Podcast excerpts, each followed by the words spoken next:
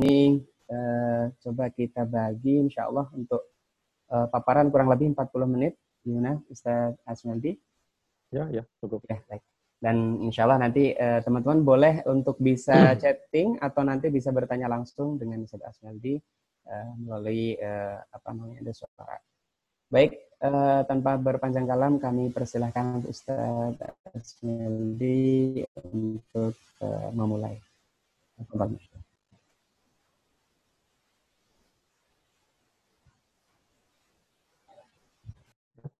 Bismillahirrahmanirrahim. Assalamualaikum warahmatullahi wabarakatuh.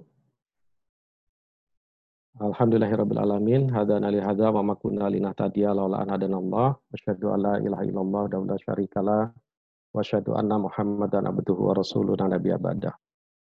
Allahumma salli wa sallim ala sayyidina Muhammad wa ala alihi wa sahbihi wa junudihi wa ansorihi wa menjahada fi sabilillah ila yaumil qiyamah. Amma ba'du.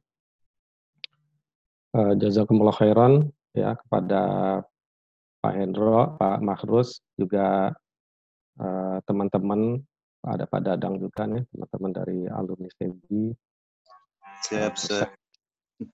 Ya, Alhamdulillah kita bisa bersilaturahmi pada uh, agenda insas ya. Mudah-mudahan ini uh, barokah dan senantiasa bermanfaat. Amin, amin, amin. Uh, kesempatan yang singkat ini ya uh, minta untuk tentang uh, pajak ya. Pajak khususnya berkaitan dengan uh, relaksasi pajak di masa pandemi COVID-19 ya itu judul yang dikasih ya. Ya jadi uh, memang uh, barangkali isu uh, ekonomi atau isu COVID gitu ya, isu corona gitu ya. Nah ini kan memang uh, sebenarnya lebih banyak uh, isu yang berkembang adalah ke, ke arah isu ekonomi gitu ya, ke arah isu ekonomi. kadang eh, kadang-kadang di sisi pajak itu kurang uh, terperhatikan gitu. Tapi memang dari pada para praktisi ya para pengusaha ya ini menjadi isu yang sangat uh, apa sangat penting gitu ya karena uh, akan berpengaruh ya khususnya kepada uh, cash flow gitu ya.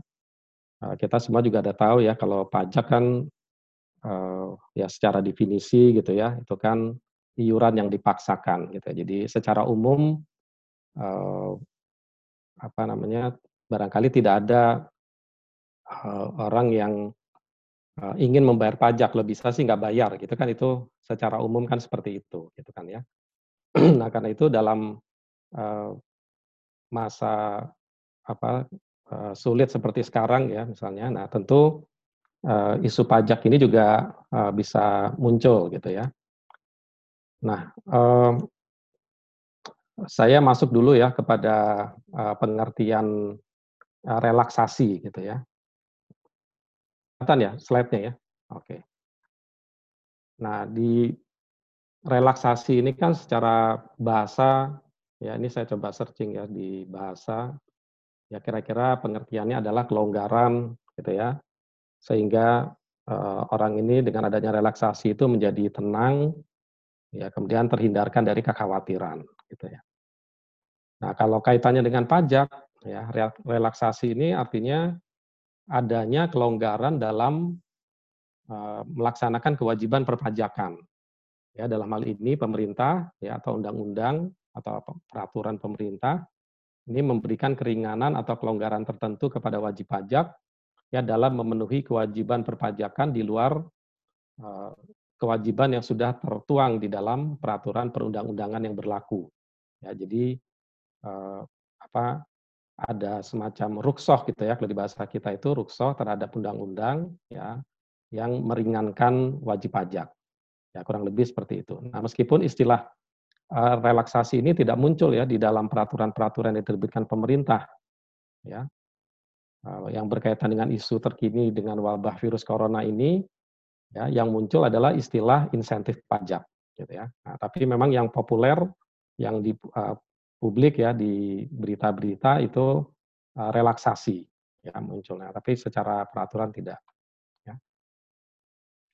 Nah kemudian eh, dalam sejarah perpajakan Indonesia ya sebenarnya ini keringanan atau relaksasi ya semacam relaksasi ini uh, sudah pernah ada juga sebelumnya gitu ya. Uh, sudah pernah ada. Mungkin yang pertama ya ini enggak saya sebut yang pertama mungkin adalah yang berkaitan dengan reformasi pajak tahun uh, 1984 ya.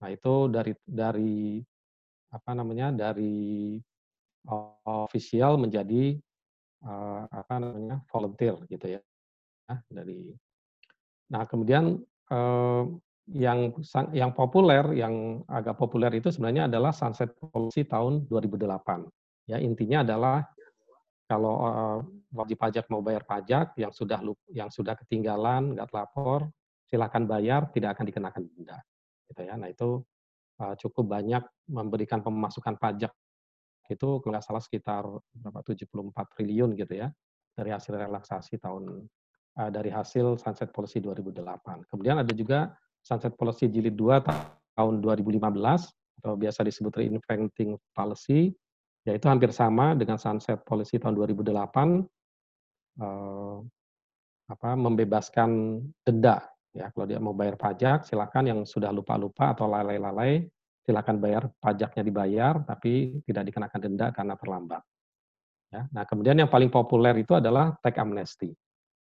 Ya, tax amnesty tahun 2016 uh, eh, ini yang paling uh, apa rame gitu ya. Uh, apa, uh, yang pelaporannya masih berjalan sekarang ya tahun terakhir ya orang yang ikut amnesty wajib pajak itu masih wajib untuk melaporkan tax amnestinya sampai uh, tahun pajak 2019. Ya, kemudian setelah take amnesty ini ada pas final. Ya, ini kira-kira hampir sama dengan sunset policy. Kalau ada wajib pajak yang lupa memasukkan, melaporkan harta, kemudian juga uh, tidak ikut take amnesty, tapi kemudian laporan hartanya tidak sesuai dengan SPT, silakan lapor pajak, tidak akan dikenakan denda. Ya, terlambat tidak akan dikenakan denda. Nah itu ya. Kemudian ada beberapa kasus perpanjangan waktu pelaporan SPT tanpa dikenakan denda administrasi. Ya, uh, mungkin setahun atau dua tahun yang lalu itu, uh, tapi ini biasanya waktu itu karena persoalan IT ya dalam pelaporan pajak. Nah, yang biasanya uh, tujuan-tujuan dari kedengaran pajak itu adalah uh, untuk meningkatkan kepatuhan wajib pajak, gitu ya, meningkatkan penerimaan pajak, ya. Kemudian di tech amnesty itu yang paling populer adalah meningkatkan basis data wajib pajak. Ya, nah diharapkan dengan basis data itu maka kemudian eh, harta-harta yang sebelumnya tidak pernah dilaporkan ke pajak ya eh, dan berpotensi ya memiliki penghasilan ya maka kemudian tahun berikutnya dia akan menghasilkan gitu ya. Misalnya dulu punya eh, apa ruko eh, tidak dilaporkan ke pajak nah sekarang dilaporkan ke pajak nah ruko itu disewakan Nah, tentu sewanya nanti akan masuk ke laporan pajak. Ya, itu jadi meningkatkan basis data. Gitu ya. Nah, meskipun demikian juga eh, terkait dengan keringanan pajak ini itu juga menimbulkan kontra atau kritik ya. Kebijakan tersebut dianggap tidak memihak kepada wajib pajak yang selama ini patuh. Gitu ya. Selama ini sudah patuh, ya, ya sudah gitu kan ya. Nah, karena itu dalam setiap kebijakan eh, sunset policy atau kebijakan keringanan pajak, uh, tax amnesty itu memang harus uh, dengan pertimbangan yang masak. Itu, nah kemudian, uh, nah terkait yang sekarang gitu ya, relaksasi pajak yang sekarang ini tentu dengan tujuan yang berbeda gitu ya. Kalau yang lama itu tujuannya apa penerimaan negara gitu ya. Nah kalau sekarang ini adalah lebih kepada menghadapi uh, kemunduran ekonomi akibat pandemi wabah virus COVID. Ya. Nah, virus COVID ini kan sendiri memang sudah uh, mengglobal ya, jadi mempengaruhi pertumbuhan ekonomi global yang sebelumnya juga sebenarnya sudah uh, banyak masalah ya, penurunan dan sebagainya, inflasi, suku bunga dan sebagainya. Ya, nah kemudian ditambah dengan adanya wabah ini. Nah, kemudian Eh, pandemi COVID ini juga telah mendorong banyak negara ya untuk melakukan penyesuaian kebijakan fiskalnya yang dengan cukup drastis. Ya. kebijakan fiskal ini harus mampu untuk melakukan tindakan penyelamatan nyawa manusia, penyelamatan tenaga kerja, kemudian dari kehilangan pendapatan ya atau pengangguran, kemudian dari keberangkutan perusahaan, kemudian juga mengantisipasi kemerosotan ekonomi dalam jangka panjang. Ya, nah yang hal-hal seperti ini kalau di kita nanti kita juga akan uh, kupas sedikit tentang uh, antisipasi pemerintah ya di dalam mengatasi masalah ekonomi akibat COVID ini, yaitu dengan diterbitkannya peraturan pemerintah pengganti Undang-Undang Nomor 1 Tahun 2020. Ya, itu ada di sana. Nah, kemudian ya ini kira-kira gambaran tentang penyebaran ya, artinya uh, merata ya, ini kecil ya gambarnya ya. Nah, artinya memang uh, penyebaran COVID ini merata di seluruh dunia gitu ya, kemudian menyebabkan berapa pengangguran sekian juta gitu ya. Eh, di Indonesia, kalau di Indonesia nih kasus di Indonesia yang saat ini yang paling terbesar adalah di DKI ya dan apalagi DKI juga sebagai pusat perekonomian ya jadi eh, tidak heran apabila masalah COVID ini juga sangat mempengaruhi perekonomian ya karena langsung eh, menyerang di eh, jantung perekonomian di negara kita. Nah kemudian eh, insentif pajak ya yang dilakukan oleh pemerintah ya pada saat ini ya. Jadi kalau kita lihat sekilas ya tentang realisasi penerimaan pajak antara tahun 2019 dan 2020 ya, ini memang kalau kita lihat di sisi yang paling kanan ini ya ini memang ada penurunan ya meskipun secara uh, aktual nilainya naik ya tetapi sebenarnya ada penurunan growth gitu ya, ada penurunan growth. Nah, sehingga memang uh, apa ini yang sangat uh, mempengaruhi penerimaan negara yang nanti kaitannya dengan kebijakan anggaran atau fiskal. Ya, nah kemudian pemerintah sendiri mencanangkan ya karena uh, ini adalah dampak dari perlambatan ekonomi yang cukup berpengaruh ya terhadap penerimaan pajak gitu ya. Nah tujuan insentif ini adalah uh, untuk menjaga stabilitas pertumbuhan ekonomi. Gitu ya. Kemudian bagaimana meningkatkan daya beli masyarakat dan produktivitas sektor tertentu gitu ya. Nah, tujuannya apa? Tujuannya agar uh, karena kan begini ya, kalau sebenarnya kan ini seperti uh, perputaran gitu ya. Gitu. Jadi kalau misalnya pemerintah tidak membantu gitu ya, ekonomi mandek, maka kalau ekonomi mandek kan penerimaan pajak juga potensinya menjadi sangat rendah. Nah, jadi ini sebenarnya pemerintah memberikan apa membantu ya melalui apa namanya melalui kalau istilah insentif pajak ini biaya pajak ya kalau di anggaran itu gitu ya. Nah, jadi memberikan insentif tapi sebenarnya juga harapannya nanti ekon, secara ekonominya akan bergairah kembali ya kalau ekonomi ber, bergairah kembali maka uh, anggaran fiskal ya atau APBN ini juga akan uh, hidup lagi gitu ya akan hidup. Nah, ini sebenarnya yang diharapkan Eh, dari sisi makro makronya gitu ya dari sisi makroekonomi di Indonesia itu seperti itu ya. kemudian yang jelas ini adalah mendukung penanggulangan dampak COVID ya sehingga nanti kebijakan-kebijakan atau insentif yang digulirkan pemerintah ini ya berkaitan pajak ini diharapkan ini tadi ya dapat memutar perekonomian dan menanggulangi dampak COVID. Ya hasil yang diharapkan ya tambahan penghasilan pekerja sektor industri khususnya industri pengolahan ya dan mempertahankan daya beli. Ya ini tadi ya supaya ekonomi terus berputar.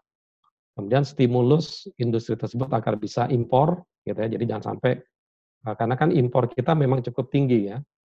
Eh, jadi jangan sampai nanti impor impor terhenti sehingga atau ke, eh, bahan baku produksi di Indonesia ini kan banyak dari impor gitu ya. Jadi jadi jangan sampai impor berhenti karena impor berhenti berarti produksi berhenti. Gitu. Kemudian terjaganya stabilitas ekonomi dalam negeri dan meningkatkan ekspor, ya ini. Kemudian optimalisasi manajemen kas di perusahaan. Nah, eh, nah ini eh, layanan perpajakan, ya kita sudah mulai masuk kepada eh, eh, kebijakan eh, mikro, ya. Jadi kalau tadi ini kita masih bicara makro, nah sekarang kita mulai masuk kepada kebijakan mikro di perpajakan yang pertama dilakukan oleh pemerintah itu adalah pelayanan ya pelayanan perpajakan ya supaya apa hak-hak kewajiban atau hak atau kewajiban perpajakan dari wajib pajak ini tetap bisa berjalan ya maka kemudian dilakukan kebijakan yang berkaitan pelayanan perpajakan sekaligus untuk mencegah penyebaran COVID ya. Yaitu uh, kantor pajak itu juga melakukan WFH ya work from home gitu ya. Nah ini jadi semua jenis pelayanan ya pelayanan tempat pelayanan terpadu pada kantor pelayanan pajak dan sebagainya ya eh, nah ini di seluruh wilayah Indonesia sementara ditiadakan ya dihentikan. Dan update sekarang itu diperpanjang ya terakhir sampai 21 April. Kemudian kalau nggak salah diperpanjang lagi sampai bulan Mei ya sampai akhir Mei. Gitu ya. jadi uh, uh, pelayanannya akan uh, apa melalui WFH ya. Nah ini call center Direktorat Jenderal Pajak itu mengalihkan ya kalau dulu ada nomor call uh, apa kering pajak 1.500-200, kemudian ini ada lewat Twitter, lewat email, lewat chat, kemudian email khusus KPP ya uh, berusaha dipermudah agar pelayanan wajib pajak tetap dijalankan. Ya, nah kemudian ini uh, kurang lebih pelayanan yang saya uh, apa metodenya saya sampaikan aja peraturan-peraturan yang mulai dari yang awal. Jadi yang pertama kali terbit peraturan itu adalah keputusan Direktorat Jenderal Pajak nomor ini ya 156, 157, 158 tanggal 20 Maret. Ya, jadi ini yang uh, apa ini juga sudah ter, banyak tersosialisasikan kepada kita. Ya, misalnya SPT tahunan pribadi ya sarananya e-filing dan e-form ini uh, pelaporan dan pembayarannya diundur eh, ya eh, diperpanjang ya sebenarnya ya relaksasi hingga 30 April. Ya sebenarnya eh, relaksasi ini artinya tidak dikenakan denda ya karena kalau secara undang-undang yang berhak menentukan batas waktu pelaporan itu adalah undang-undang dan undang-undang itu batas pelaporannya adalah 31 Maret. Nah, wewenang dari Dirjen Pajak itu adalah membebaskan dendanya. Gitu. Jadi memperpanjang waktu itu bukan jadi tetap terlambat gitu ya istilahnya tetap terlambat tetapi diperpanjang waktunya agar tidak dikenakan denda. Nah itu wewenang yang dimiliki oleh uh, Dijen Pajak bukan memperpanjang uh, waktu pelaporannya gitu ya. Mungkin ini uh, apa supaya tidak membingungkan. Nah kemudian uh, Evin juga ini juga dilayani melalui telepon, email dan sebagainya. Kemudian pelaporan SPT masa, ya laporan-laporan pajak kan uh, ada yang bulanan itu, itu juga diundur sampai yang harusnya jatuh tempo di bulan Maret itu diundur jatuh temponya di uh, bulan April, ya 30 April ya. Ini ada berbagai jenis pajak, jenis pajaknya. Ya, kemudian uh, yang lain-lain juga permohonan NPWP, e-faktur, sertifikat elektronik itu juga dilayani melalui uh, email dan sebagainya. Nah, kemudian uh, hak-hak wajib pajak ya, keberatan, pengurangan, penghapusan sanksi administrasi, pengurangan pembatalan STP dan sebagainya. Nah, ini batas uh, karena ini biasanya ada uh, batas waktu gitu ya. Jadi kalau misalnya Eh, kita keberatan terhadap sebuah produk perpajakan itu batas waktunya misalnya sebulan atau tiga bulan. Nah ini diperpanjang ya, memang batas waktunya jatuh temponya berakhir 15 Maret antara 15 Maret sampai 30 April ini diperpanjang hingga 31 Mei. Ya, mungkin nanti akan diperpanjang lagi setelah terbitnya Perpu karena pada saat ini ini belum terbit uh, Perpu. Nah ini Eh, kemudian selanjutnya tanggal 21 Maret itu terbit PMK ya. PMK ini Peraturan Menteri Keuangan nomor 23. Nah, ini sebenarnya yang uh, insentif pajak yang uh, sekarang ini didengar apa banyak populer itu adalah uh, berkaitan dengan PMK ini. Ya, jadi PMK uh, nomor 23. Nah, ini ada empat hal yang insentif pajak diberikan oleh pemerintah ya yang pertama itu yang berkaitan dengan PPh pasal 21 ditanggung pemerintah selama enam bulan nah, ini adalah pajak karyawan ya jadi kalau selama ini kita sebagai karyawan dapat gaji kemudian dipotong pajak nah ini mendapatkan relaksasi atau insentif tidak dipotong gitu ya Kemudian pembebasan PPh 22 impor, ya, jadi yang impor barang yang harusnya ada kewajiban pajak impor, nah ini juga dibebaskan. Kemudian pengurangan PPh pasal 25 sebesar 30 persen. Ya, PPh pasal 25 adalah kewajiban mencicil pajak ya dalam setiap bulan. Ya, base-nya atau dasarnya adalah uh, hitungan pajak tahun sebelumnya.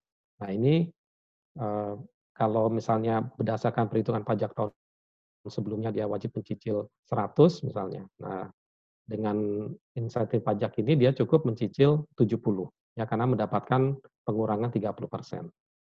Ya, asumsinya mungkin usaha tahun ini turun gitu ya eh, akibat COVID ini turun ya sehingga mungkin kewajiban pajak tahun depan juga akan turun sehingga tidak akan eh, menghindarkan terjadinya kelebihan pembayaran pajak pada tahun 2020.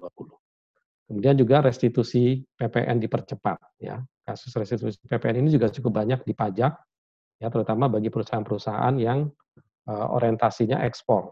Ya itu hampir dipastikan selalu melakukan restitusi. Nah, karena itu ini ada insentif uh, dipercepat.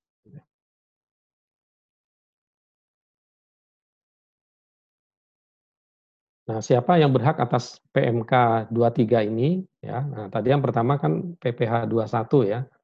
Nah, ini eh, pegawai dari pemberi kerja dalam lingkup industri manufaktur. Nah, ini sayangnya eh, PMK 23 ini hanya berlaku bagi karyawan atau pegawai yang berada di industri manufaktur.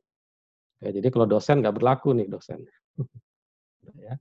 Nah, dan ini KLU tertentu, ya, termasuk perusahaan industri perdagangan, jasa, konstruksi ini juga uh, tidak berlaku. Jadi hanya khusus untuk manufaktur, ya, yang memproduksi uh, barang. Ya.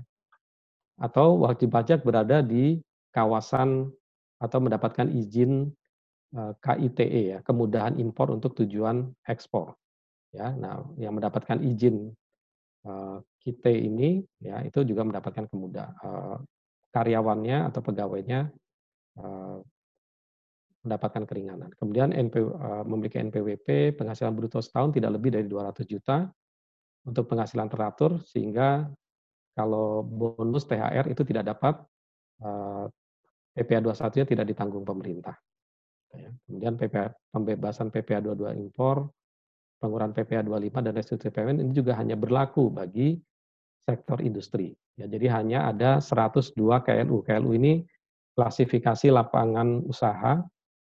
Uh, jadi uh, jenis usaha yang dilaporkan di pajak ya, misalnya sektor pendidikan, sektor industri garmen gitu ya, dan sebagainya ya, kulit dan sebagainya. Nah ini uh, hanya hanya ini saja yang berhak sampai saat ini gitu ya. Uh, ini nanti dulu. Nah ini uh, sebentar ini aja ya. Nah ini kalau nah ini Perpu ya. Kemudian setelah itu terbit tanggal 31 Maret Perpu uh, nomor satu ya kalau kaitan dengan anggaran ya misalnya ada uh, defisit anggaran itu diperbolehkan melampaui tiga persen ya kalau kebijakan anggaran sebelumnya kan tidak boleh melampaui tiga persen ya. Nah ini mungkin yang mendalami makroekonomi ya kemudian menerbitkan surat utang negara ya dan sebagainya, kemudian penggunaan uh, SAL ya sisa anggaran lebih dan abadi. Nah, ini juga uh, artinya terlihat bahwa uh, kebijakan ini ya mungkin pemerintah memang benar-benar mengoptimalkan sumber-sumber uh, dana yang ada gitu ya. Dan ini sebenarnya ada banyak ya, tapi mungkin tidak uh, fokus dalam pembahasan kita. Nah, yang terkaitan dengan perpajakan di dalam Perpu ini adalah ini juga yang paling populer adalah penyesuaian tarif PPA badan dalam negeri dan BUT ya, bentuk usaha tetap itu dari 25% menjadi 22%. Sudah jadi tarif pajak turut meskipun sebenarnya penurunan tarif pajak ini sudah pernah sudah lama dibahas gitu ya. Sudah lama diusulkan misalnya oleh Kadin dan sebagainya. Nah, kemudian karena kasus ini langsung di apa diturunkan ya menjadi 22 persen. Kemudian uh, pajak atas kegiatan perdagangan melalui elektronik. Ya, jadi ini uh, online trading, apa uh, perdagangan online ya sekarang kan sekarang justru mall, pasar itu berkurang aktivitasnya, justru lebih banyak perdagangan melalui apa elektronik ini, ya melalui online ini. Nah ini akan dikenakan pajak. Tapi sebenarnya pengenaan pajak ini lebih kepada melindungi usaha dalam negeri ya, karena biasanya uh, pemilik situs-situs online itu banyak perusahaan-perusahaan luar negeri yang selama ini barangkali uh, agak sulit dalam mengenakan pajaknya. Gitu ya. Nah ini kemudian uh, dikenakan pajak. Sebenarnya yang banyak akan kena adalah perusahaan-perusahaan yang berbasis di luar negeri. Ya. Apa tuh Shopee, apa dan sebagainya gitu ya misalnya. Kemudian perpanjangan waktu pelaksanaan hak dan pemenuhan kewajiban perpajakan. Nah, ini tadi yang sudah diterbitkan dalam PMK sebelumnya, eh, kemudian di sini nanti diperpanjang ya, selama waktu eh, maksimal enam bulan. Kemudian pemberian fasilitas kepabeanan berupa pembebasan atau keringanan biaya masuk dalam rangka penanganan COVID. Gitu ya. Nah ini nanti detailnya. Nah ini kira-kira analisis dampak langsung dari sisi cash flow yang seperti tadi saya sampaikan di awal. Jadi karyawan akan menerima gaji penuh tanpa potongan pajak. Ya, nah ini kan meningkatkan daya beli ya. Jadi eh, apa kurang lebih eh, dia bisa mendapatkan tambahan mungkin ya hampir satu bulan gaji. Kemudian angsuran PPA 25 perusahaan mulai April 2020 berdasarkan tarif 22 persen dan dapat dikurangi lagi dengan 30 persen. Ya, jadi udah turun gitu ya dari 25% persen ke 22, kemudian dikurangi lagi yang 22% persen itu ke 30%. Nah, ini sangat membantu cash flow perusahaan. Impor PPA pasar 22 juga eh, bebas PPA 22, ya ini membantu cash flow perusahaan, restitusi juga membantu cash flow. Ya. Nah, kemudian yang selanjutnya adalah yang berkaitan langsung dengan eh, barang dan jasa untuk penanganan COVID. Ya. Nah, ini kalau kita lihat di sini ya, ini ada rangkumannya, ada insentif yang berbentuk PPN, artinya kalau misalnya uh, menjual barang uh, untuk penanganan COVID, maka dia tidak dikenakan PPN. Ya, kemudian ada yang ditanggung pemerintah, uh, ya, kemudian ada yang ya ini ditanggung pemerintah, ya misalnya. Kemudian kalau insentif pajak penghasilan, membebaskan pemotongan PPh pasal 21 kepada wajib pajak orang pribadi dalam negeri atas imbalan jasa yang diperoleh dari pihak tertentu. Jadi kalau ini kira-kira dokter, perawat yang mendapatkan gaji, apa, eh, gaji gitu ya dari sana itu dibebaskan dari pemotongan PPh, PPh pasal 21. Gitu ya, khusus mereka yang terlibat langsung. Ya, kemudian PPh 22 impor dibebaskan, kemudian eh, ini terkait barang yang ada hubungannya dengan penanganan COVID ya, mungkin alat-alat kesehatan dan sebagainya. Kemudian pembebasan PPh 23, nah ini adalah eh, kalau misalnya ada apa misalnya ini para konsultan memberikan jasa kepada rumah sakit yang menangani COVID, gitu ya, maka tidak dipotong PPh 23. Itu ya kira-kira jadi itu eh, pembebasan eh, atas jasa. Ya, jadi obat-obatan ya kalau barang berupa obat-obatan, vaksin, alat lab ya, dan sebagainya, jasa, jasa konstruksi, ya konsultasi, jasa manajemen, jasa persewaan, nah itu yang disewakan kepada instansi pemerintah, ya ini yang paling bawah, pihak rumah sakit rujukan COVID dan pihak lain yang berkaitan dengan ini, nah itu akan uh, dibebaskan dari uh, pemotongan pajak. Ya, ini juga uh, pelayanan administrasi ya saya kira ini uh, intinya tidak ada tatap muka gitu ya kalau administrasi perpajakan tidak ada tatap muka pelayanan dilakukan dengan uh, email uh, pengiriman surat jasa ekspedisi gitu ya WA bahkan ya itu juga uh, dilakukan saya kira. Kemudian uh, nah ini juga uh, salah satu hal yang penting ya penetapan wabah COVID sebagai bencana nasional. Ya, jadi uh, Kepres ya nomor 12 tahun 2020.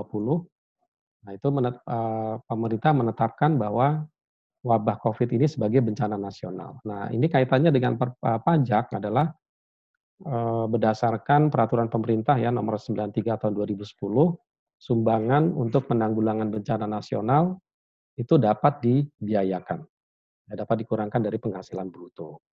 Ya, biasanya kan kalau sumbangan itu nggak boleh, gitu ya, nggak boleh dikurangkan, gitu ya, dari penghasilan bruto, nah, tidak menjadi biaya, gitulah ya, kira-kira. Nah, dalam laporan laba rugi tidak boleh jadi beban. Nah, khusus sumbangan terkait dengan bencana nasional ini diperbolehkan. Ya, tapi ada syaratnya, ya, misalnya syaratnya adalah disalurkan langsung ke badan yang men, me, badan penanggulangan bencana ya mungkin apa BNBP BN BNPB atau apa gitu ya atau lembaga lain ya nah, kemudian disampaikan secara tidak langsung melalui lembaga atau pihak lain yang mendapatkan izin dari pemerintah yang berwenang untuk mengumpulkan dana penanggulangan bencana. Jadi mungkin lembaga-lembaga swasta, entah itu lembaga amil zakat, entah itu Basnas, selama dia mendapatkan izin untuk uh, apa pengumpulan dana penanggulangan bencana, maka uh, dana yang di apa disumbangkan oleh perusahaan ke sana itu boleh dibiayakan di dari penghasilan bruto. Ya, nah kemudian ada syarat lain yang lebih detail perusahaan ini tidak dalam kondisi rugi, gitu ya. Jadi nggak boleh dalam kondisi perusahaan rugi nggak boleh, ya nggak boleh membiayak, menambah biaya ini lagi.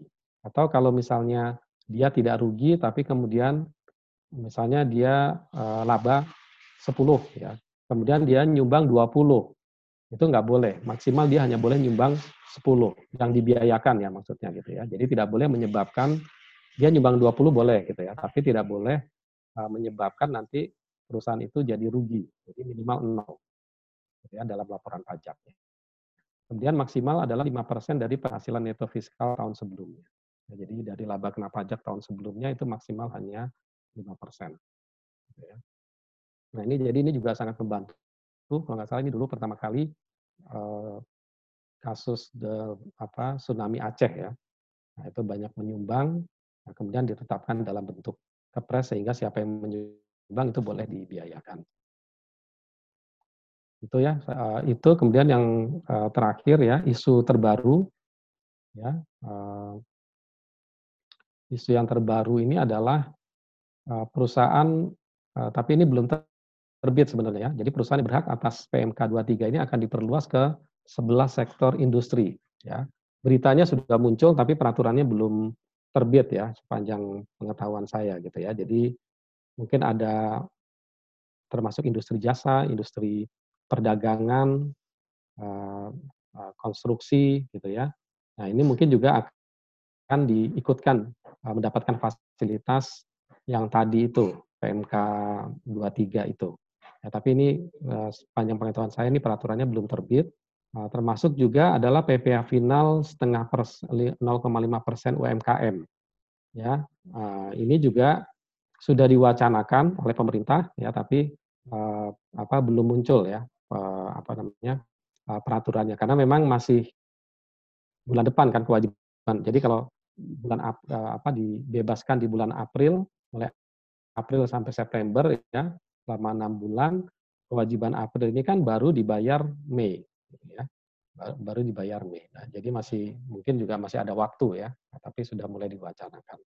Nah itu uh, apa hal-hal yang uh, apa poin-poin utama kita ya di dalam uh, apa dalam relaksasi perpajakan ini gitu ya. Uh, jadi ada ada keringanan-keringanan yang intinya uh, pemerintah ingin uh, apa namanya ingin me, uh, mendorong ekonomi ya melalui insentif pajak atau biaya pajak ini ya agar uh, apa ekonomi ini bisa apa namanya bisa tetap uh, berjalan gitu ya.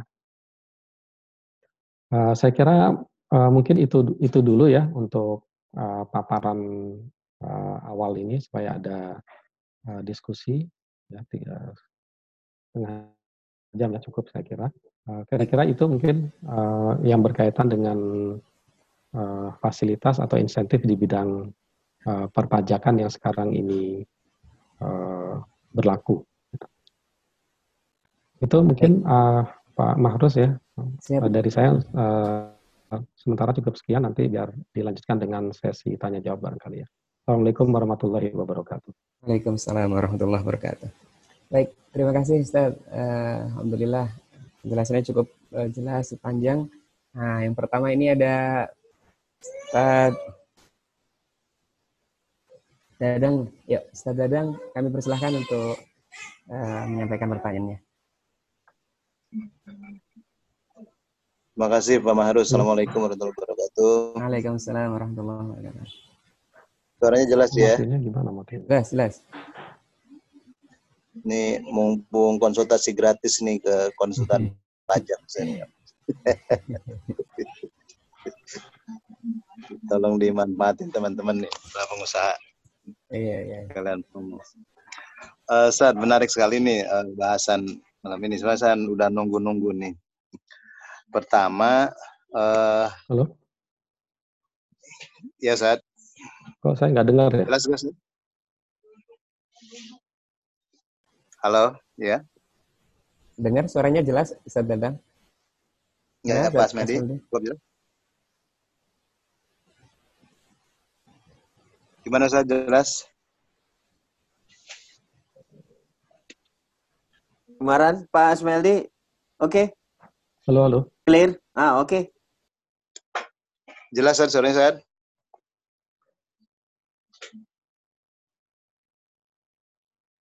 Halo, Zad. Halo, Pak Aswaldi. Jelas suaranya? Ya, sebentar, mungkin masih.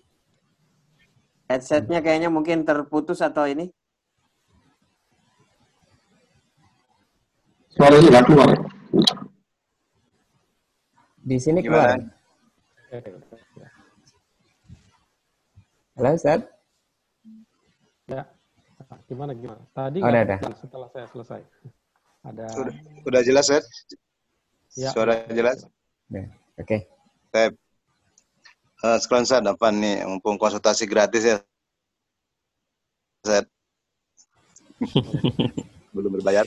Uh, pertama, uh, ini saat kebijakan-kebijakan uh, perpajakan ini kan lebih banyak ke yang berjalan di 2020 ya, saat. Hmm yang terkait dengan kewajiban perpajakan sebelumnya gitu ya. Uh, pertama mungkin sama konfirmasi untuk PPH uh, eh, pribadi badan gitu ya. Itu diundur ke April 20 eh 30 April. Kalau yang badan Ustaz kan harusnya jatuh tempo akhir April ya. Apakah itu juga diundur ke Mei? Karena tadi belum ada disebutkan sama Ustaz. Yang pertama. Artinya bisa disamain dengan uh, kalau WP pribadi kan dari Maret ke April, kemudian kalau yang badan ini harusnya akhir April biasanya gitu ya. Apakah diundur juga sampai ke Mei untuk pelaporan PPH badan tahunan. Kemudian yang kedua, uh, ini banyak orang memanfaatkan uh, kebijakan di masa sulit uh, corona ini ya COVID itu. Tetapi banyak juga yang menyampaikan apabila kita tidak hati-hati melaporkan perpajakan baik yang 2019 maupun 2020 gitu ya. Mungkin saat ini tidak akan tertolerir gitu sama petugas pajak karena mereka juga kerja uh, di rumah gitu, kantornya tutup gitu ya. Sibuk juga, tidak konsentrasi tapi khawatirnya pasca corona ini kan pajak nih banyak jejak digital gitu. Sebagai contoh mungkin saya juga masih ragu karena saya ditagih tiga tahun lalu ini belum dijalankan perpajakan tahun ini. Jadi ditagih kekurangan 2016, 17 dan 18 yang sudah dilaporkan. Ini saya tunda juga banyak penyarannya udah nggak usah dibayar lah yang lalu-lalu. Mereka juga udah nggak konsen gitu ya.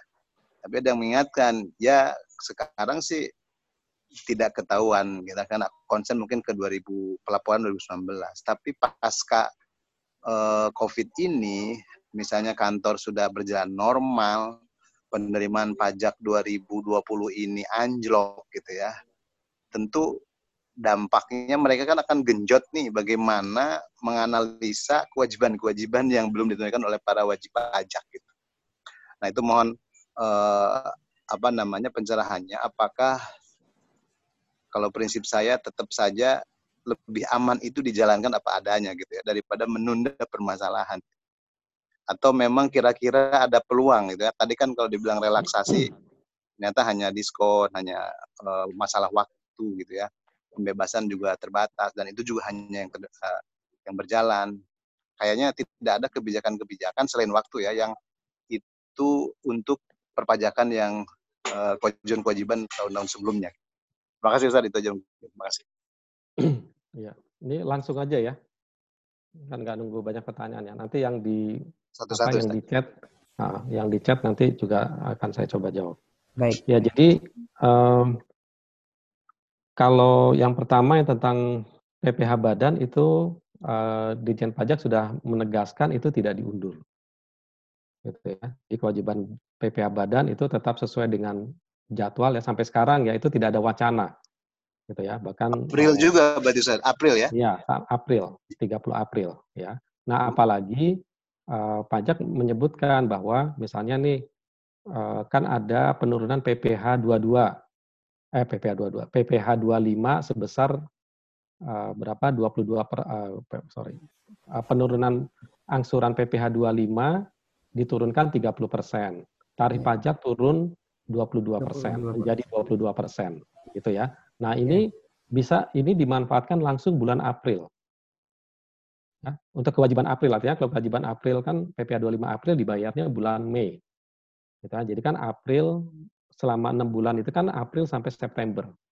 Gitu, jadi kalau misalnya dia uh, apa, jadi maksudnya ini supaya juga wajib pajak segera memanfaatkan ini gitu. Makanya uh, apa DJP ya pajak sudah menegaskan ini uh, tidak ada relaksasi untuk pelaporan SPT PPh badan gitu ya. Nah, dan hmm. uh, apa ya, ya, artinya ya, ya. ininya ya bergennya itu adalah ini udah saya kasih diskon berlaku ya. mulai sekarang kira-kira gitu gitu ya. Bisa aja. Nah, kemudian kalau yang kedua tentang uh, kewajiban pajak yang lama gitu ya. Ya saya kira memang um, kalau daluar daluarsa pajak itu kan lima tahun ya. Jadi uh, apa pun gitu ya, bagaimanapun lima tahun ke belakang itu pasti masih punya potensi untuk ditanya gitu.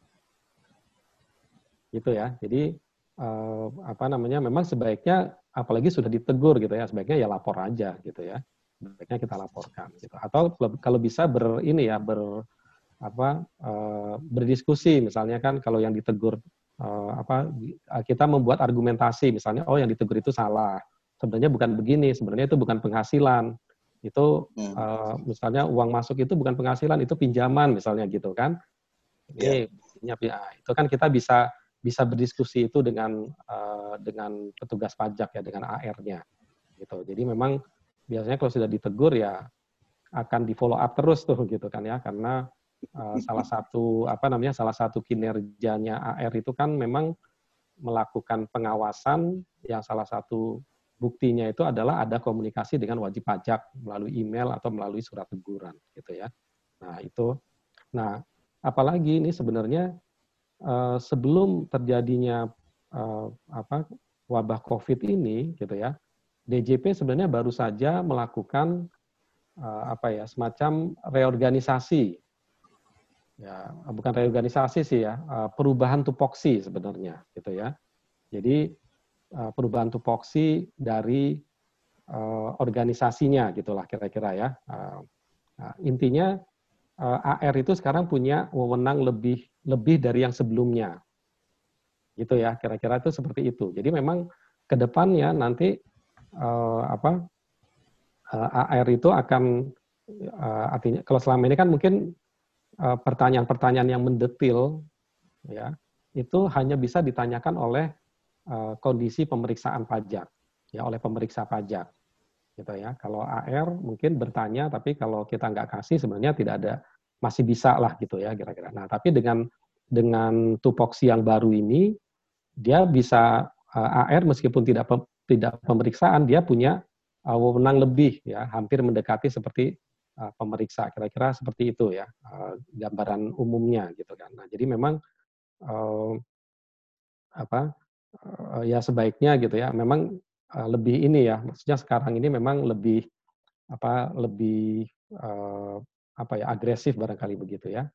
Nah, apalagi mungkin banyak kerjasama-kerjasama di Jen Pajak itu dengan lembaga lembaga-lembaga ya, misalnya dengan perbankan tentang apa saldo rekening, uh, kartu kredit gitu ya, kemudian dengan notaris tentang transaksi tanah dan bangunan, uh, dengan PPATK misalnya gitu ya. Nah itu kan uh, DJP cukup gencar ya untuk melakukan kerjasama-kerjasama dengan pihak-pihak tersebut. Gitu. Nah, jadi memang ruang gerak gitu ya, ruang gerak untuk lolos ya memang semakin sempit. Gitu aja, mungkin itu. Ada, ada. mungkin yang lain, Tafadol nih, yang di sini. Uh, ini ada apa sebelah sektor usaha yang dapat dengan pajak ini? Ini tambahan Ustaz dari Ustaz ya. Hendro. Iya, betul. Iya. Baik. Jadi uh, terus pertanyaan selanjutnya ini datang dari Mas Abdullah. Oh iya. Abdullah ini pertanyaannya terkait dengan pajak PT. Uh, lap, adanya laporan direksi PT bahwa mengala, mengalami kerugian. Jadi ini mungkin PT-nya mengalami kerugian. Oke. Okay. Uh. Tidak bayar, tidak dapat membayar pajak, bahkan sepertinya akan kolaps. Nah, pertanyaannya adalah PT tersebut dalam pelaporan pajak tidak membayar pajak kembali karena PT mengalami kerugian. Terus kemudian direksinya apakah tetap wajib lapor bulanan ataukah cukup tahunan saja dengan pajak nihil? Mungkin satu-satu, Ustaz. Ya. ya. Ya, jadi kan uh, apa kewajiban pajak itu kan gini ya. Kalau rugi um, apa namanya? Kalau misalnya dia rugi uh, kita pakai tahun ya, kan ini nggak ada tahunnya ya. Kita contoh tahun. Misalnya tahun 2019 dia rugi. Gitu ya. ya. Kalau tahun 2019 rugi, atau begini aja, misalnya tahun 2019 itu laba, ya, laba, hmm. kemudian dia katakanlah membayar pajak 120, gitu ya. Ini membayar pajak ya, membayar pajaknya katakanlah 120. Okay. Nah maka dia punya kewajiban membayar angsuran PPh 25 setiap bulan tahun berikutnya. Jadi kalau tahun 2019 berarti tahun 2020 dia harus bayar setiap bulan PPh 25 itu 1 juta, 1 juta, 1 juta, eh 10 juta. Ya, 120 yeah. dibagi 12. Kan gitu ya. Ini refreshing aja ya, refreshing. Yeah. Berarti setiap bulan dia harus membayar PPh 25-nya tadi itu adalah 10 juta, 10 juta, 10 juta. Mulai bulan April. Ya, kalau yang bulan Januari Maret kan sama dengan tahun sebelumnya. Nah, kan seperti itu. Nah, kalau misalnya tahun 2019 perusahaannya itu rugi, gitu ya, maka uh, berarti kan tidak ada pajak yang dibayar gitu ya. Kalau tidak ada pajak yang dibayar, otomatis dia tidak lagi membayar angsuran PPh 25 tahun 2020. Hmm. Gitu. Jadi itu sudah otomatis uh, melalui laporan SPT tahunan. Gitu ya. Jadi okay. kalau dia rugi, udah nggak perlu lagi. Jadi udah udah tidak ada laporannya lagi. Nah paling yang Januari kalau dia lapor April, berarti kan Januari sampai Maret itu dia udah telanjur bayar. Ya itu tinggal nanti misalnya ada proses pindah ke buku, pindah buku ya, dipindah ke pajak karyawan misalnya atau dipindah ke jenis-jenis pajak yang lain itu bisa. Atau refund gitu, apa restitusi gitu ya. Itu juga memungkinkan gitu ya. Jadi itu kira-kira itu ya pertanyaannya ya. Nah. Iya, itu yang berarti itu dari PT-nya nggak perlu bayar ya, kalau dia rugi. Nggak, nggak perlu bayar pajak. Ya. ya otomatis karena uh, dari pelaporan SPT yang 2019 tadi. Nah, mungkin berikutnya ini PT-nya itu mau kolaps nih, Ustaz. Kalau jika kemudian kolaps, nah selaku direksi mungkin secara pribadi kali ini. Secara individu, apakah dia tetap lapor bulanan ataukah cukup tahunan saja? Laporannya siapa nih? Laporan pribadi direksi atau laporan PT-nya? Sepertinya ini direksinya Kalau, nih. Oh. Coba Mas Abdullah Kalau, ada di sini Mas Abdullah mungkin bisa okay, menjelaskan. Apa -apa. Saya jawab dua-duanya aja ya. Jadi kalau kalau direksi satunya, Nah, kalau kalau di, kalau laporan direksinya, direksi tidak ada hubungannya dengan perusahaan itu kolaps. Gitu ya. Yeah, Intinya dia punya yeah. penghasilan apa enggak? Misalnya dia masih terima gaji apa enggak? Kan bisa aja perusahaan itu rugi, kolaps tapi dia masih terima gaji kan? Iya. Yeah. Yeah, nah, itu penghasilannya direksi. Penghasilan direksi ya direksi secara pribadi dia tetap harus uh, pajaknya dibayar karena kan dia membayar gaji. Membayar gaji ya berarti pajaknya harus dibayar. Itu ya. Yep, nah, yep, kalau perusahaannya yep. yang tadi berarti kan dia tidak perlu membayar uh, PPh 25 itu. Gitu. Ya. PPH Kalau 21 misalnya nya kolaps- tetap lapor. Bayar tetap lapor, lapor ya. dong. Ah, selama direksi itu 21. masih dapat masih mendapatkan gaji, ya tetap harus lapor. Nah, kalau misalnya mungkin ini saya tambahan, kalau misalnya ruginya di tahun berjalan, misalnya jan- sekarang tiba-tiba kolaps.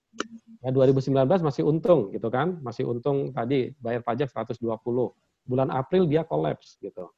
Kolaps berarti kan udah nggak ada punya penghasilan segala macam. Nah, kalau seperti itu paling nanti perusahaan itu mengajukan kepada Dijen Pajak itu agar dia tidak membayar bulanan yang dua PPh pasal 25 yang 10 juta tadi.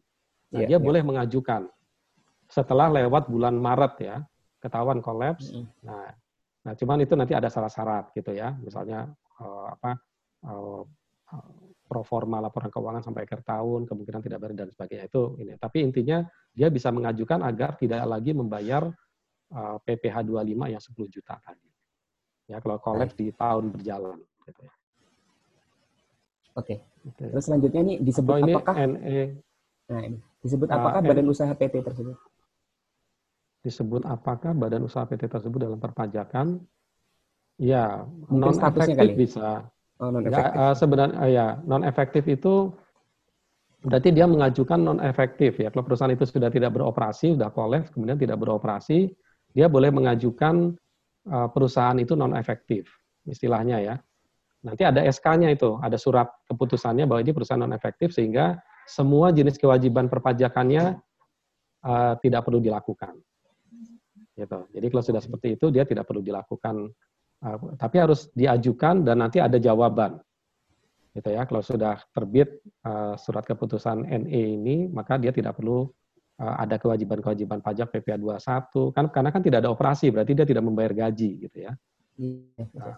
Tapi ka- ka- karena ada juga uh, saya juga ada pengalaman dengan perusahaan lain itu dia sudah tidak ada bisnisnya gitu ya, tetapi karena dia bagian dari grup gitu ya, itu masih ada pembayaran utang piutang, karyawannya masih ada gajinya gitu ya, gitu. Jadi kan masih ada operasi nggak bisa nggak bisa NE gitu kan. Jadi dia tetap lapor Hmm. tapi tidak ada apa namanya tidak ada usaha. Paling dia mem- ketika lapor SPT dia membuat surat pernyataan bahwa tidak em, apa tidak lagi memiliki aktivitas usaha. Ya artinya tidak ada income gitu ya. Nah itu paling dilampirkan tambahan di dalam pelaporan SPT tahunan. Oke, Gitu kira-kira. siap. Baik, selanjutnya pertanyaan dari Saudara Ahmad Syakur. Uh, perihal efek PMK 23 yang membebaskan PPh 21, apakah akan ada perubahan lagi terkait industri yang menerima PPh 21? Nah, ini sebenarnya sudah dijelaskan tadi ya, akan ada wacana yang 11 tadi. akan ada. Iya. Betul. Ya termasuk ya pariwisata, transportasi itu memang termasuk dari 11 sektor industri yang diwacanakan. Ya, tapi itu tadi ya belum terbit ya sekarang gitu. Mestinya Terus ada. eh, ini Mudah-mudahan selanjutnya gitu sih, apakah ada isu pembebasan pajak bumi bangunan untuk rumah pribadi? Nah, ini spesifik banget sih, karena dari gimana gimana Tesat? Belum ada nih kalau PBB ya. belum ada isunya kalau PBB ini. Oke oke. Di- Dijual aja rumahnya itu biar bayar Nah, pajak. gitu. Ya mudah-mudahan sih kalau apa namanya eh, karena kan nanti kewajiban PBB itu kan ada di eh, biasanya kalau PBB tahun 2020 itu terbit di bulan apa ya? Bulan Agustus ya? Agustus, Maksimal- apa- eh, biasanya bulan-bulan ini udah terbit ya, Maret, April Iya. ya. Terus kewajiban maksimal di bulan Agustus gitu ya. Tapi memang belum ada sih wacana untuk eh, pembebasan PBB. Tapi terkait ini saat Afan, Zat.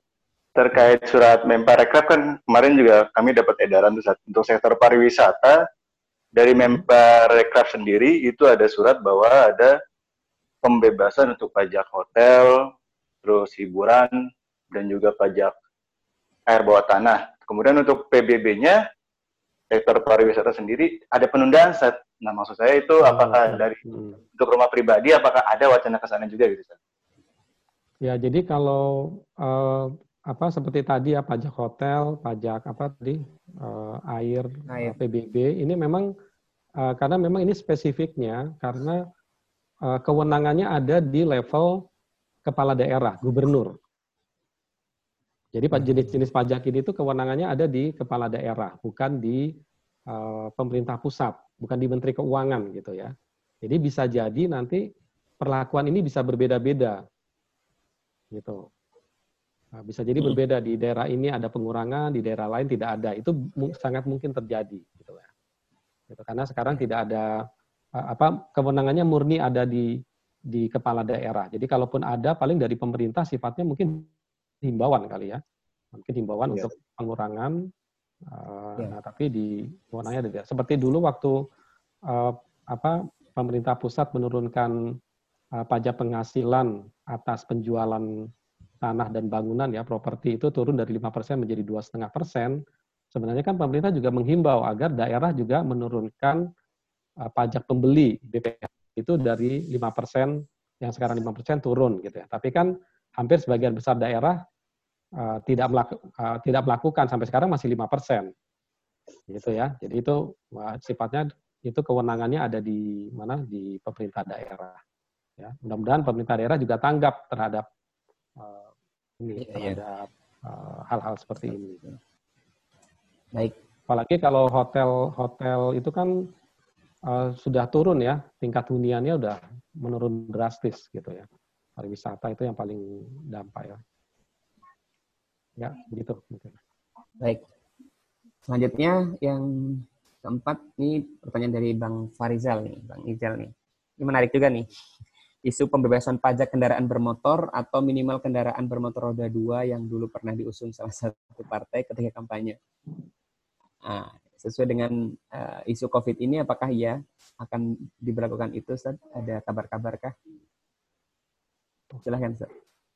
Ya, kalau se- setahu saya ini kalau dari kepolisian itu penundaan ya. Eh, jadi kalau misalnya jatuh tempo gitu ya, dia tidak mesti diurus sekarang gitu ya. Gitu. Eh, jadi eh, menunda pengurusan misalnya perpanjangan STNK atau apa gitu ya. Nah itu baru baru ada itu eh, info yang apa yang menc- yang muncul gitu ya. Jadi belum Belum ada bebas. sampai ke pembebasan Mm-mm. ya belum sampai ke pembebasan. Mungkin kalau ya mudah-mudahan nggak lama gitu ya. Kan kalau COVID-nya lama bisa jadi itu ada, tapi mudah-mudahan kan tidak gitu ya. Karena kan ini kewajibannya kan tahunan ya. Seperti Iya, iya. PBB, seperti ini ini kan ini wewenangnya eh, sama eh, STNK ini juga eh, pajak kendaraan bermotor ini juga wewenangnya kepala daerah ya, eh, gubernur atau bupati wali kota. Gitu. Jadi memang a- akan ada di sana nanti Nah, dan tadi ya bisa berbeda-beda gitu. Baik. Nah kalau yang kam ini nah, kalau kalau yang apa dulu apa namanya ini ya pembebasan yang dimaksud ini kan sebenarnya itu dulu eh, harusnya masuk ke undang-undang ya, gitu ya, harusnya masuk ke undang-undang. Undang-undang masuknya nanti kalau terkait dengan pembebasan pajak kendaraan bermotor nih ya seperti yang dimaksud dalam pertanyaan ini, ya itu sebenarnya eh, kan ada undang-undang salah satu undang-undang pajak itu adalah undang-undang eh, apa pajak daerah dan retribusi daerah. Nah itu adalah yang mengatur tentang eh, pedoman ya, pedoman tentang pengaturan pajak-pajak seperti ini tadi, pajak hotel, pajak PBB, eh, PBB nggak beda undang-undang, pajak kendaraan bermotor, pajak air segala macam itu. Nah itu panduannya ada di undang-undang pajak daerah dan retribusi daerah. Nah sebenarnya mungkin dulu yang dimaksud itu adalah ingin mengubah itu, gitu ya, ingin mengubah undang-undang itu sehingga eh, apa eh, pajak-pajaknya yang kaitannya dengan yang dituju itu menjadi eh, tidak apa eh, tidak dikenakan lagi gitu. Nah itu mungkin sebenarnya arahnya dulu ke sana gitu ya ke undang-undang karena itu kan wewenangnya ada di DPR kalau eh, undang-undang. gitu. Oke. Ya. Baik. Selanjutnya yang ke pertanyaan yang kelima. Penanya kelima ada Mbak Tri Silvia. Saya mau nanya terkait dengan salah satu 11 usaha yang dapat keringanan pajak adalah sektor telekomunikasi dan jasa hiburan. Tapi beberapa waktu lalu ada wacana dari Bu Menkeu untuk mengambil pajak dari Zoom dan Netflix yang kita sekarang lagi pakai juga nih, nih Zoom ini. Nah, Iya. ini bagaimana Ustaz? Ya jadi eh, ini ada di paket Perpu ya yang tadi saya sebutkan ya, kalau saya nggak salah itu. Itu di Perpu itu kan salah satu yang eh, apa? Salah satu yang akan dilaksana apa yang akan dicanangkan itu adalah pajak atas kegiatan perdagangan melalui elektronik. Ya ini termasuk ini, termasuk uh, fasilitas-fasilitas ini. Gitu. Jadi kalau yang 11 ini uh, ada ya 11 ya tadi udah ini udah apa telekomunikasi, hiburan dan sebagainya ya itu mungkin di uh, online berita online juga banyak gitu ya bisa dilihat apa saja. Kemudian kalau uh, ini ini sebenarnya perpunya udah terbit ini. Uh, perpu uh, peraturan pemerintah pengganti undang-undang. Ya, jadi atas pajak pajak atas kegiatan perdagangan melalui elektronik, nah ini termasuk uh, ini tadi nih Zoom, Netflix dan sebagainya gitu ya. Karena gitu. Nah, ini akan dibuat perlakuan khusus. Nah, kenapa? Karena selama ini sebenarnya uh, mereka mendapatkan pasar dari Indonesia ya. Uh, Zoom, Netflix gitu ya atau mungkin yang apa itu Shopee, Lazada, apa segala macam itu mendapatkan pasar dari Indonesia. Tapi kan mereka sebenarnya perusahaan luar negeri, gitu ya. Nah, yeah. ini dari dari sisi uh, perpajakan apa ya perpajakan internasional lah ya. Nah, dari sisi perpajakan internasional ini pajak penghasilannya itu lolos gitu. Gitu. Jadi kalau misalnya dulu ingat misalnya kasus Google ya, kasus Google itu kan dulu uh, lama itu ya sengketa dengan Menteri Keuangan, dengan Dijen Pajak gitu ya. Nah, tapi kan kemudian akhirnya eh, tiba-tiba dinyatakan Google mau bayar pajak. Nah, tapi sebenarnya pembayaran pajaknya itu ya kalau yang saya uh, tangkap gitu ya atau saya pahami itu dia pembayaran pajaknya bukan karena peraturan gitu. Bukan karena menerapkan peraturan perundang-undangan Indonesia atau uh, apa P3B ya istilahnya apa internasional pajak internasional ya di penghindaran pajak berganda antar negara gitu ya. Bukan karena itu, tapi karena uh, apa ya kesepakatan G2G ya antara ya. pemerintah Indonesia dengan pemerintah waktu itu apa Singapura atau di mana gitu ya kesepakatan gitu kan. Nah akhirnya oke okay lah saya bayar pajak. Gitu. Tapi sebenarnya kalau di kalau di apa namanya kalau uh, dia bertahan bisa jadi mungkin tidak tidak dikenakan pajak. Nah, karena itu diterbitkan oleh Perpu tentang pajak atas kegiatan perdagangan melalui elektronik ini. Nah, ini juga mungkin uh, pengenaan pajaknya bukan pengenaan pajak yang merujuk kepada pajak penghasilan. Gitu. Uh, ini sendiri belum ada juklaknya ya, belum ada juklaknya. Kalau di Perpunya hanya disebutkan bisa dari PPH, bisa dari PPN, bisa pajak atas transaksi. Nah, kalau pajak transaksi kan ini beda lagi ya. Ini adalah seperti uh, apa ya? Seperti apa namanya? Kalau pajak atas transaksi itu kan seperti uh, meterai gitu ya. meterai. ya. Nah, gitu, meterai. Pokoknya kalau ada transaksi dikenakan meterai. Kan gitu ya, gitu. Ya. Nah, ada surat, ada kwitansi kena meterai gitu. Nah, kira-kira modelnya seperti itu yang ingin diterapkan. Cuman ini peraturannya belum uh, belum ada. Tapi ini kan yang kena nanti mereka ya, perusahaan-perusahaan yang basisnya di luar negeri itu. Gitu. Begitu kira-kira. Siap. Alhamdulillah, uh, terima kasih. Sudah ada lima penanya yang sudah dijawab oleh Ustaz Asmadi. Sekarang, uh, oh ada melambaikan tangan nih, Mas Cahyono nih. Monggo, monggo, monggo. Ya, ya. Silakan. Ya, mute-nya dibuka dulu, Mas. Mute-nya dibuka dulu. Nah. Oke. Assalamualaikum warahmatullahi wabarakatuh. Waalaikumsalam warahmatullahi wabarakatuh. Iya, uh, selamat malam. Malam.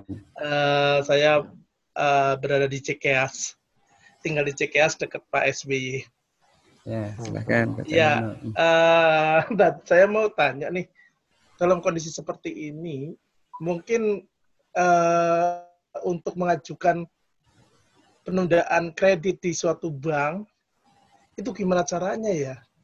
Masalahnya kemarin eh, dengan perhitungan-perhitungan pajak juga kemarin ada beberapa kawan yang mengajukan penundaan pembayaran karena pandemi COVID seperti ini, kok malah dikasih syarat-syarat yang mungkin memberatkan. Artinya mungkin mungkin prosedur dari bank juga sih, tapi kok kayaknya kok memberatkan ya menurut saya gitu. Kalau saya sendiri juga akan melakukan itu, tapi mungkin besok hari Senin akan ke KPR karena kebetulan memang saya juga punya rumah yang mempunyai angsuran yang lumayan besar gitu sehingga dalam kondisi seperti ini berat berat banget apalagi dengan termasuk juga biaya beban pajak juga gitu loh. kira-kira gimana ya caranya ya untuk bisa mengatasi minimal untuk membuat keringanan di masa seperti ini gitu. Kalau masanya normal saya pikir sih tidak jadi masalah bagi saya, tapi kondisi seperti ini justru sangat memberatkan banget gitu loh. Apalagi dengan kita harus stay at home di rumah, dengan biasanya mondar mandir selalu terbang ke sana kemari dengan job-job yang padat dan alhamdulillah menghasilkan uh, uang yang lumayan bisa menutupi semuanya tapi pada kondisi seperti ini kita jadi terlantar gitu. Gimana kira-kira untuk mengatasi seperti itu? Sebaiknya bagaimana gitu. Terima kasih. Assalamualaikum warahmatullahi wabarakatuh. Waalaikumsalam warahmatullahi wabarakatuh. Ya, uh, ya ini uh, memang waktu itu ini ya apa? Uh, memang ini sih sebenarnya di luar uh, pembahasan perpajakan gitu ya. Tapi kan mungkin ini uh, secara umum uh, apa? Secara umum waktu itu kan ada wacana gitu ya atau ada uh, dorongan ya dari apa dari presiden ya waktu itu ya kan untuk yeah. Iya. uh, berkaitan dengan uh, kredit ya penundaan kredit uh, yeah, apa pun bentuknya tapi kan itu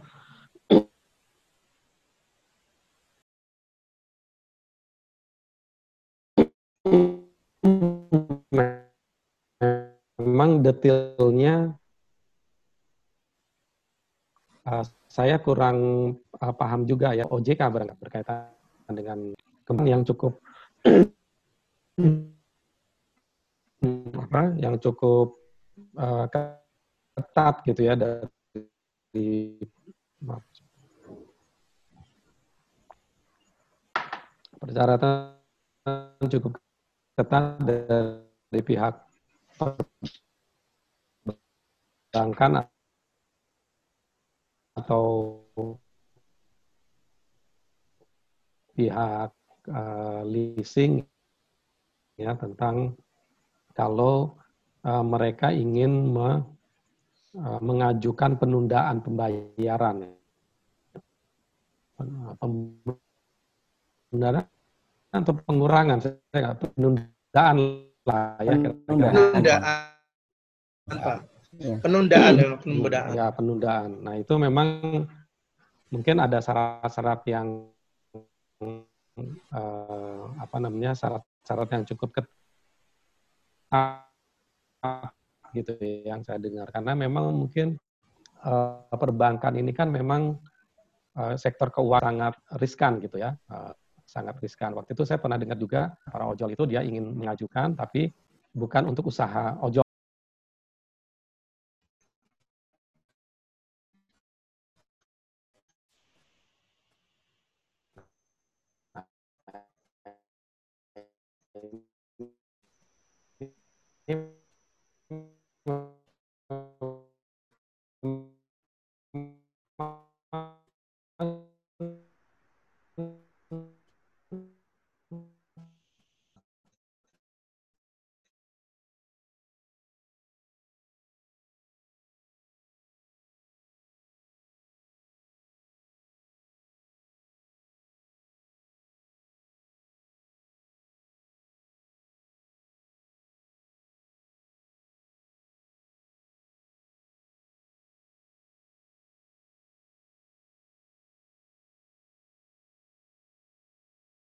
akan beradu, beradu argumen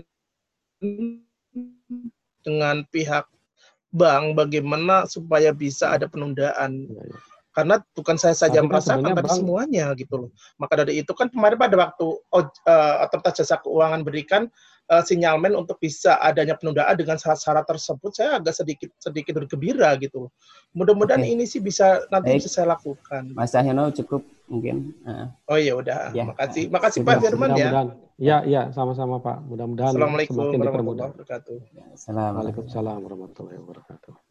Baik, Uh, sepertinya sudah uh, cukup. Sekarang sudah pukul 21.32 dan uh, mungkin closing statement untuk Ustadz Asmaldi, monggo. Apa yang perlu di Ya, uh, jadi saya kira uh, apa relaksasi pajak ini gitu ya. Uh, mudah kalau bagi saya ya mudah-mudahan memang ini di apa diperluas gitu ya. Diperluas ya. terutama juga yang tadi pajak tentang UMKM itu bisa segera direalisasikan karena uh, barangkali itu adalah sektor yang paling banyak gitu ya. Nah, sektor yang paling banyak bahkan kalau mungkin mungkin apa kan pajak UMKM itu bagi perusahaan yang sudah berdiri dari tahun 2018 itu kan berakhir di tahun 2020 gitu ya bahkan ya. kalau memungkinkan itu di diperpanjang ya karena memang sangat uh, memudahkan uh, apa wajib pajak UMKM dalam melaporkan pajaknya gitu ya. dan mudah-mudahan juga diperluas sektor yang sudah dicanangkan itu memang bisa di diperluas gitu ya dan uh, ekonomi kita bisa kembali bergairah di Amin. Dalam waktu yang tidak terlalu lama. Amin. Ya. Saya kira itu itu dari saya. Baik. Jazakallah khair Ustaz Asmaul ya, Jazakallah khair atas ya. uh, perhatian teman-teman sekalian. Ya. ya. Mudah-mudahan bermanfaat. Ya. Baik. Mohon maaf atas kekurangan ya, kekurangan atau dalam Baik. Uh, memberikan materi. Ya. Baik. Baik, terima kasih uh, dan terima kasih juga atas atensi semua teman-teman yang sudah mau uh, hadir. Nah, saya kira bisa uh, ditutup dengan sama-sama baca hamdalah. Alhamdulillah. Alhamdulillah. Dan mudah-mudahan yang sama-sama kita uh, harapkan adalah COVID ini setelah apa? Setelah uh, mudah-mudahan cepat berlalu dan kita kembali ke kehidupan normal. Amin amin amin amin. amin. Ya, terima ya. kasih. Assalamualaikum warahmatullahi wabarakatuh. Waalaikumsalam warahmatullahi wabarakatuh. Waalaikumsalam warahmatullahi wabarakatuh.